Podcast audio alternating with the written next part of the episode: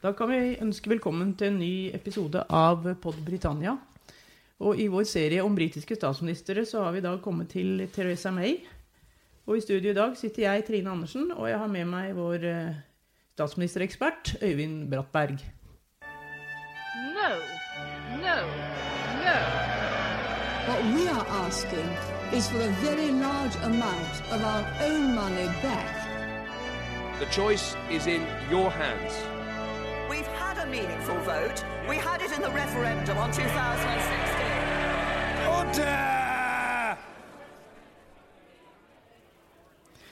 Ja, Øyvind, tror du eh, Theresa May noen gang kommer til å bli kvitt eh, dette brexit-stempelet når vi snakker om en statsministerperiode? Man sier jo ofte at, at det trengs et historisk perspektiv for å, for å på et vis få en, en ordentlig vurdering, en skikkelig vurdering som tar inn alle sider ved, en, ved et politisk lederskap og den tid man regjerte osv. Så, videre, så trenger man en, en, avstand på en del år og se hvordan går det videre, og hvordan skal dette egentlig forstås. Eh, og det er nok tilfellet for Theresa May også, eh, men jeg tror ikke at den på et vis den historien som skrives om 40 år, vil se så veldig annerledes ut enn den historien som skrives nå.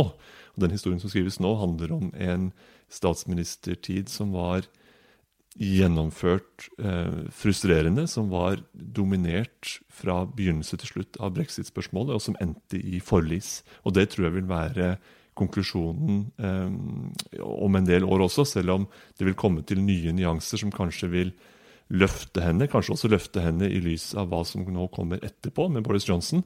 Like fullt så var det et mislykket eh, opphold i, i Downing, Street, Downing, Street, i den forstand at hun aldri klarte å få sin avtale i land, klarte aldri å få den vedtatt. Og hennes eget lederskap var preget av så mye intern eh, krangel og krig i det konservative partiet at det er nesten et under at eh, partiet ikke knakk på midten i løpet, av, eh, i løpet av denne tiden. Men du, Skal vi gå tilbake til sommeren 2016, da Theresa May tok over etter David Cameron? Da så vi vel litt annerledes på Theresa May. Jeg husker jeg snakket med deg da. Jeg var journalist i NTB og ringte deg som ekspert og hørte hva, hva tror du nå, Øyvind? Hva, tror du Theresa May er rett person for Storbritannia akkurat nå? Husker du hva du svarte? Jeg svarte vel som mange andre gjorde da, at dette var en, en, eh, en god kompromisskandidat og en erfaren politisk leder. Hun kom til å vokse ytterligere med oppgaven, og hun hadde nok en plan. Ja, vi snakket jo eh, begge to om a safe pair of hands, og dette var kanskje noe Storbritannia trengte. Dette, vi forsto vel begge to at dette var ikke noen sånn spennende politiker, men kanskje et trygt valg. Mm. At det var det Storbritannia trengte akkurat da. Og de, de første månedene hennes var jo egentlig ganske positive for henne. Det var jo en eh, på en måte en litt sånn fin honeymoon. Hun hadde, hun hadde spilt kortene klokt også. Hun hadde jo holdt en nokså lav profil i valgkampen inn mot folkeavstemningen. Offisielt på Remain-siden, men, med, men med, påfallende få opptredener. Altså hun var jo en av de helt sentrale skikkelsene i David Camerons regjering. Seks års erfaring som eh, innenriksminister, som er en av de absolutt viktigste postene i, i regjering. Um, og så kom hun inn som en sånn Jeg er kandidaten som kan forene partiet, forene begge sider av, uh, fra folkeavstemningen, og ta, likevel ta livbudskapet på alvor. Nå skal vi i samlet flokk bevege oss ut av EU. Og det så jo ut til at hun, hun hadde nødvendig autoritet, og at hun hadde en plan for hvordan hun skulle løse brexit-spørsmålet. Og som så mange andre statsministre, så man får jo gjerne en, en, opptur de første månedene. Gordon Brown fikk også det i sin tid. Det er et annet godt eksempel på en som tar over underveis i en parlamentsperiode og får en veldig vind i seilene de første månedene. Her er en ny leder med planer, ideer og klart lederskap. Og så feil kan man ta. Men du, Theresa May ble jo, ble, ble jo, da ikke valgt, hun bare etterfulgte David Cameron. Og, mm. og, det var tydelig at det ville hun jo gjøre noe med. Mm -hmm. Og ble vel, vi ble vel litt overrasket når Theresa May skrev et nyvalg, for det sa hun at hun ikke skulle gjøre. Men så mm. ledet hun jo så voldsomt på meningsmålingen med over 20 prosentpoeng. Mm. Og så skrev hun ut et nyvalg, som jo viste seg å være den største tabben hun kunne egentlig begå. Mm. Og hun mistet jo flertallet sitt, som vi alle vet, og måtte støtte seg på disse ti eh, medlemmene fra Det demokratiske unionistpartiet i Nord-Irland. Mm. Men hvorfor tror du hun egentlig gjorde det? Altså Ble hun så overmodig, eller øh, hva var det egentlig som skjedde? Vet vi noe? Har hun snakket noe om det? Det var jo et, et merkelig første trekvart år kan du si, av hennes statsministergjerning. For fra første stund så, så slet hun jo med eh, ulike fløyer i partiet, slik det alltid har vært når man diskuterer eh, europapolitikk og EU i Det konservative partiet, så er det voldsom uenighet. Og de fløyene forsøkte hun å, å balansere mot hverandre. Og så begynte hun å leke med ilden. Altså hun, hun, hun eh, omfavnet noen av de nokså eh, ytterliggående på brexit-siden. Men likevel uten at, det, uten at det var nok, på et vis. Det er som å kaste mat til løvene, så, det, så, så, så brøler de etter mer. Og da havnet hun samtidig i skvis med, med andre eh, mer moderate deler av, av eh, egen parlamentsgruppe, pluss at hun var helt uten dialog med Labour og Liberaldemokratene, som, som jo var opposisjonen. Så til syvende og sist så, så fant hun jo ut at selv om hun hadde et flertall i Underhuset, altså hun, hun hadde jo arvet det fra David Cameron, så var det likevel ikke nok. Hun trengte et større flertall for å være på Ja, Hun den ville vel sikre egentlig styrke posisjonen sin overfor EU. Det, det sa hun jo Ja, faktisk. ja, og det var jo den enkle, egentlig det enkle premisset for det å holde parlamentsvalg. Ok, her, her leder vi jo tydelig på, på meningsmålingene. Vi, eh, vi tar like godt og, og trår til med et valg. Vi kommer til å få et forsterket flertall, knuse Corbyn og Labour spesielt, men også Liberaldemokratene virket helt ute av, ut av laget, iallfall i velgeroppslutning. da. Så det som trengs her, er et tydelig mandat fra folket, slik at jeg kan føre en stødig forhandling med eh, Brussel uten å heftes ved disse stadige eh, tullete debattene som, som eh, haler og drar i oss i London, mens det, det vi egentlig trenger, er en ren og klar forhandling med, med EU. Og det var planen, og den planen kullseilte ettertrykkelig. Og det tror jeg hun forsto ganske raskt. For jeg vet jo at den eneste gangen hun har sagt at hun felte en tåre, det var faktisk på denne valgnatta, når hun så hvordan det gikk. Hun kunne ha begynt med de tårene allerede under valgkampen, for det var en forferdelig dårlig valgkamp. Nå ser vi jo, nå i sånn ettertid kan vi jo se kontrastene når vi ser denne valgkampen Boris Johnson hadde, har ført. da, Altså hvor viktig det er statsministeren i en sånn valgkamp som dette her, eller partilederen, da. Det er viktig å ikke fremstå fullstendig uten troverdighet, i alle fall. Og det, der, eh, der havnet jo Theresa May på mange måter den, eh, den forsommeren. Ja, hun, nektet, hun nektet jo bl.a. å stille opp i TV-debatter. Eh, Det ble hun jo sterkt kritisert for. Hun var jo ganske usynlig i denne valgkampen og viste jo egentlig hvor stiv hun var. Mhm. Altså, du så jo kontrasten ofte mot andre mer levende politikere når hun stilte opp på valgmøter eh, de få gangene hun gjorde det. Man stiller jo gjerne med et, et uh, lite handikap der som britisk statsminister på vei inn i en valgkamp, iallfall hvis man har en frisk og, friske og levende leder i opposisjonen. For de kan på et vis eh, da blomstre gjennom valgkampen og komme, liksom, komme fram i lyset, mens statsministeren har alt å tape. Theresa May eh, tapte alt hun hadde å tape, kan man trygt si. Hun, hun, hun, I den grad hun var synlig i det hele tatt, så var det i en mm, robotlignende modus. Ja, Hun som, fikk jo eh, klistret på seg dette navnet Maybotten. Det var det- ikke- Og da har det først klistret til en, så er det vanskelig å fri seg fra også. Hun var, var så stiv og så bundet og så redd for å, å på et vis komme i diskusjon med noen som helst. Pluss at det var noen veldig lite strategiske eh, politikkforslag i, i, det, i programmet som de konservative la frem, bl.a. Denne, denne ideen om, om en eh, om at det offentlige skulle skattlegge de eh, eldre på vei inn mot eh, forsterket pleie og alt det man, som kan trengs i, i alderdommen. En, veldig, var veldig pussig og lite gjennomarbeidet forslag, og som traff rett i hjertet på det som egentlig de konservative har dyrket som en viktig profil i senere år, å være på de, de eldres side, og, og i alle fall ikke komme trekkende med nye skatter som ikke er, er gjennomtenkt. Så det ble, foruten at, at May kom dårlig ut av valgkampen, så virket partiet også å ha et påfallende lite gjennomarbeida program. Det eneste som egentlig var, sto i hodet på dem, var å, å få et flertall og kjøre på med brexit. Det kunne kanskje funket i 2019. I 2017 fungerte det ikke. Eh, og en del av den historien var jo også at, at Labour på det tidspunktet hadde et program med, med appell, et program som handlet om mye annet enn brexit. Og de hadde jo en ganske ny leder, for Corbyn var jo en ganske ny leder den gangen. Og han var lite ja. belyst eh, og maktet i den valgkampen å framstå som en slags folkeforfører. Og, og Labours program var ganske enkelt og slagordspreget i retning mer velferd og mer rettferdighet. Og vi skal saktens ordne brexit, men hør på alt dette andre fine vi skal gjøre først. Eller først og fremst skal gjøre. Eh, og det fungerte godt for Labour, mens eh, May og de konservative gjorde et, eh, et, et svært dårlig valg, til tross for at de jo gikk frem. Så gikk eh, Labour veldig mye mer frem. Eh, og summen av det ble at de konservative mistet flertallet, og da var, fra det tidspunkt av, var Theresa May virkelig ute å kjøre. Ja, og etter det så gikk det jo bare nedover for henne, inntil hun varslet at hun kom til å gå av. Nå skjedde jo så mye i britisk politikk i fjor at det er nesten vanskelig å huske når hva skjedde, men hvis jeg husker, ikke husker helt feil, så var vel det i mai i fjor at hun varslet at hun kom til å gå?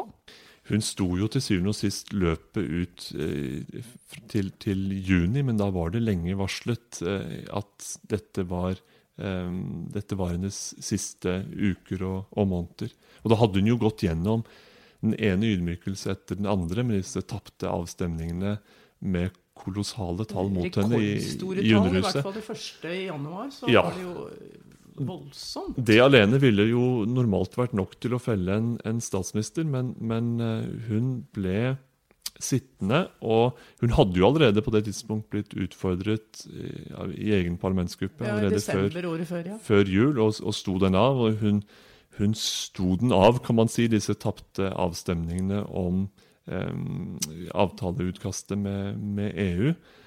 Eh, og så drev båten langsomt fremover i, uten løsninger, men, heller, men også uten, uten fremdrift. Eh, og det endte jo med utsettelse av den første brexit-datoen, som da var 29. mars.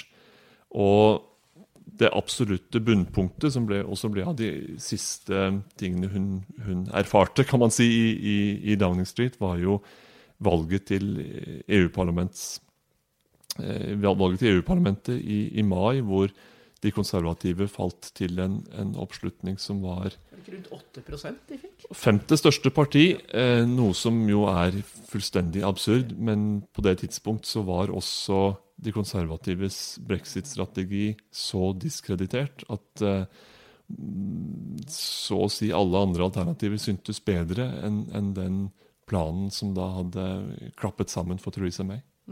Og det var et lokalvalg også, kanskje, hvor, hun gjorde det veldig, hvor de konservative gjorde det veldig dårlig. Det var vel i mai. Det så i det hele tatt helt uh, fullstendig mørkt ut på dette, på dette tidspunktet. Og det er jo en veldig viktig del av forhistorien, hvis vi skal forstå hvorfor eh, partiet landet på Boris Johnson som ønsket etterfølger. Altså en som, som umiddelbart var populær eh, i brede lag av folket, og som hadde en hardtslående eh, strategi for brexit, mer en sånn veivalgsstrategi, hvor man må slutte med å, å virre frem og tilbake mellom mulige partnere som kan hjelpe en å klatre videre. Det man i stedet skal gjøre, er å si at vi har et ønske om Ikke et ønske, vi har et krav om at vi skal ut. Dette er datoen. Nå kjører vi på, og så får det gå som det går. Og det ble en, eh, en fartsøkning og en retningsendring. Og summen av det var at de konservative startet 2019 i en helt eh, forferdelig posisjon, som bare ble verre fram til sommeren. Og så har den, i hvert hvis man er opptatt av velgere og sånt, blitt bare bedre etter sommeren, og endte altså med et valg med heidundrende flertall for Boris Johnson. Men du, vi går litt tilbake til januar og, og dette voldsomme tapet hun, hun led også, altså hun, Denne avtalen hennes ble nedstemt i parlamentet tre ganger. Hva tror du det gjorde at hun egentlig da ikke forsto at hun burde trekke seg? Var det handlingslammelse? Var hun sta? Eller mente hun faktisk at det var best for landet at det var hun som fortsatte som statsminister, tror du? Summen av alle de tre, tror jeg. Eh, og det, du, det er jo interessant at du ikke nevner noe om, om, eh, appetitt for, for makt, og som et tørst etter, etter makt. Et minimum av det har jo enhver politisk leder, fordi man ønsker jo makt. Men, men det var nok ikke det som var mest synlig hos Theresa May. Det er langt mer av en sånn en, en pliktfølelse og standhaftighet. Altså et, et, en oppfatning av at hun skal, hun skal stå løpet ut og gjøre det hun har satt seg fore. Tror du det var prestedatteren som eh, kom fram i henne der? Det er nok eh, iallfall en egenskap som har fulgt he hele hennes liv som politiker, og også den, hennes tidligere yrkesforløp som nokså eh, Hva skal man si ar Veldig arbeidsom og nokså uglamorøst arbeid, i, riktignok i finanssektoren, men, men veldig, veldig pliktoppfyllende. Og i, i statsministerarbeidet handlingslammelse, visselig, for hun hadde jo ikke noen, noen god løsning på det heller, annet enn å forsøke å bygge broer med det vesle hun hadde av verktøy til det. Eh, Men først og fremst en, en tanke om at det finnes ikke noe bedre alternativ for landet enn at jeg blir stående her, fortsetter, fortsetter, fortsetter, og something will show up på et eller annet tidspunkt. Det gjorde det jo ikke. Det Gjorde ikke det? Men det har forundret meg litt. Altså, hun var jo en så erfaren politiker. Hun hadde jo, som du sa til å begynne med her, vært innenriksminister i seks år. Hun hadde sittet i parlamentet siden 1997. Og likevel så, så forsto hun ikke når, du, når hun når hun måte burde ha sagt 'nok er nok'.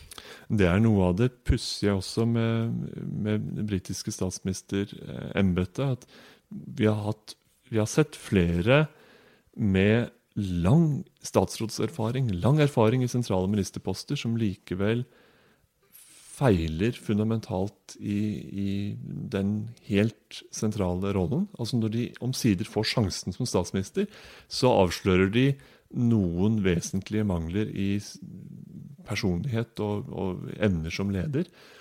Eller de møter omstendigheter som de absolutt ikke er forberedt på, og så, og så bærer det galt av sted. Gordon Brown er jo et annet eksempel på en, en særdeles erfaren politiker som likevel kom helt til kort da det virkelig gjaldt.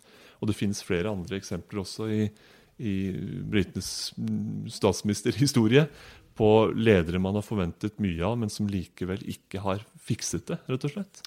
Men du, Theresa May hun har jo faktisk blitt sittende i Underhuset. Hun ble gjenvalgt nå fra sin valgkrets eh, Maidenhead med ganske stort flertall. Jeg tror det var 57-58 hvis jeg ikke husker helt feil. Og hun sitter jo nå på de bakre benker et par rader bak Boris Johnson. Er det uvanlig at en statsminister eh, lar seg gjenvelge til parlamentet etter å ha gått av? Det er jo veldig uvanlig for de fleste, så, så er jo statsministertiden er jo et, et klimaks som så som etterfølges av at man trer ut av politikken, kort fortalt. Det finnes unntak fra, fra det. altså Det mest notoriske unntaket i Det konservative partiet er Edward Heath, som ble sittende på de bakre benker i mange år som en, en giftig kritiker av eh, Margaret Thatcher, som ble hans etterfølger som partileder og senere statsminister, og, og som han mislikte så sterkt. Og han, og han satt der, og han satt der som parlamentsmedlem, og sånn sett et, eh, tannhjul i demokratiet, men, men aller mest som en, eh, en på en måte en, en kritiker, en som kunne følge politikken og være engasjert i sitt parti, nokså maktesløs i sitt parti, men iallfall kunne han sitte der som en sjuende far i huset. Men det er sjelden man gjør det, og Blair og Cameron er jo eksempler på, på statsministre som umiddelbart har eh, trådt ut av parlamentet. Da, da trengs det en, en av disse merkverdige sær em, rettighetene. Altså Deres etterfølgere må gi dem en, en slags, eh, en slags tittel, en, en, en lavadelstittel sånn på styrten, som gjør at de har anledning til å tre ut av parlamentet uten videre. Ellers må man bli sittende til neste valg. Det ser ikke ut som Theresa May sitter her for å være en kritiker av Boris Johnson. Da. Hun har faktisk talt pent om han etter valget, så hun kan nok hende bare bli et lojalt parlamentsmedlem fra de konservative, som blir sittende i hvert fall i fire, fem, seks år til. Gud. Og det er, vet hvor lenge? det er i så fall i flukt med, med hvordan hun har gjort det i sitt liv. Altså det man går inn i, det, det, der fortsetter man. Man gjør hjemmeleksene sine, og man, man gjør det arbeid man har satt seg fore. Og for henne er det politisk arbeid, i hvert fall i, i den voksne delen av voksenlivet. Men det må jo være litt rart, men det er kanskje også en liten lettelse for henne at hun nå ikke har det voldsomme ansvaret. Det er det, det er det nok. Og hun er jo tenker Det press hun levde under som statsminister, det var mange som med god grunn fryktet for, for eh, Eller var bekymret for helsesituasjonen. For eh, det er jo uansett et veldig, en, åpenbart et veldig krevende arbeid. Og med det presset som hun har levd med med, med, med brexit-situasjonen, har vært umenneskelig til tider. Ja, Hun fikk jo utrolig mye kjeft, da. Det gjorde hun. Og det var jo noe av det første hun ble Etter at hun eh, gikk av som statsminister, hun ble, ble avbildet på cricketkamp, var jo også en sånn et, tegn på gjenvunnet livskvalitet. I hvert fall et steg i riktig retning i så måte, hvor man ikke lenger sitter med det avgjørende ansvaret, men kan, kan overlate det til andre, og så kan man forsøke å drive konstruktivt arbeid i parlamentet. Ja, og etter at hun gikk av, så holdt hun jo faktisk også en tale i Underhuset hvor hun var morsom og fikk eh, parlamentsmedlemmene til å le. Det tror, jeg ikke, det tror jeg faktisk ikke skjedde mens hun var statsminister. Det utrolige er, eh, det utrolige er mulig. Hvor vil du plassere henne på en sånn liste eh, over statsministre i de to, ja, de siste 100 årene? Hun er nok dessverre lavt nede på, på den, den listen. Og det er jo en kombinasjon av egenskaper som ikke strekker til, og svært uheldige omstendigheter rundt hennes tre år som, som statsminister. Og det er jo mange av de som forsøker den type rangeringer eller skriver sånne sammenlignende analyser av disse lederne, de, de fester seg jo ved de store, vanskelige begivenhetene. Altså Brexit har åpenbart vært en stor og vanskelig begivenhet. Litt beslektet med hvordan Suez-krisen i sin tid var det. Og er man leder i en sånn tid og gjør det svakt, så blir, det, så blir omkostningene og konsekvensene så store. Og det har de vært for Storbritannia under Theresa May. Og hun er nok dessverre lavt, lavt nede på den, på den listen. Slik vi ser det i dag, i alle fall.